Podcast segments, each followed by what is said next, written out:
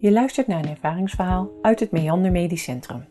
Aan het woord Tanja, anesthesioloog, pijnspecialist.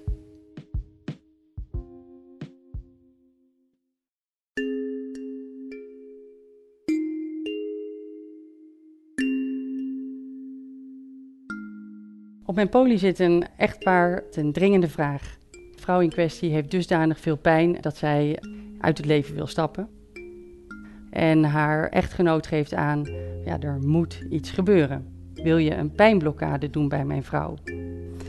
In de situatie waar het om gaat, een mogelijke behandeling, maar niet per definitie een behandeling waarvan ik zeker weet dat het de patiënten verder helpt.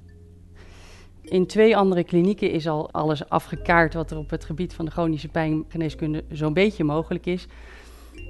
Het dilemma waar ik in beland is, ik wil wat goed doen, maar ik kan ook schade aanrichten. En wat is de kans daarin en wat is mijn advies daarin? Ik merk dat ik in tegenstelling tot wat ik tien jaar geleden zou hebben gedaan, wat ze daar niet aan hebben gedurfd, daar ga ik mijn handen niet aan, uh, aan branden, merk ik dat ik nu uh, meebeweeg met die mensen en echt op zoek ga naar wat zijn de mogelijkheden en wat moet ik nou eigenlijk doen.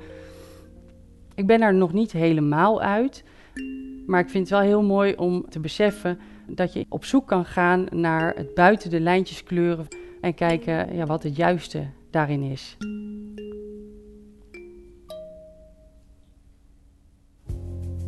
Je luisterde naar een betekenisvol meandermoment. Een co-productie van Meander Medisch Centrum en Zorgdragers. Firma Reuring, Buitenzinnen, Sier en Nathan van der Veer.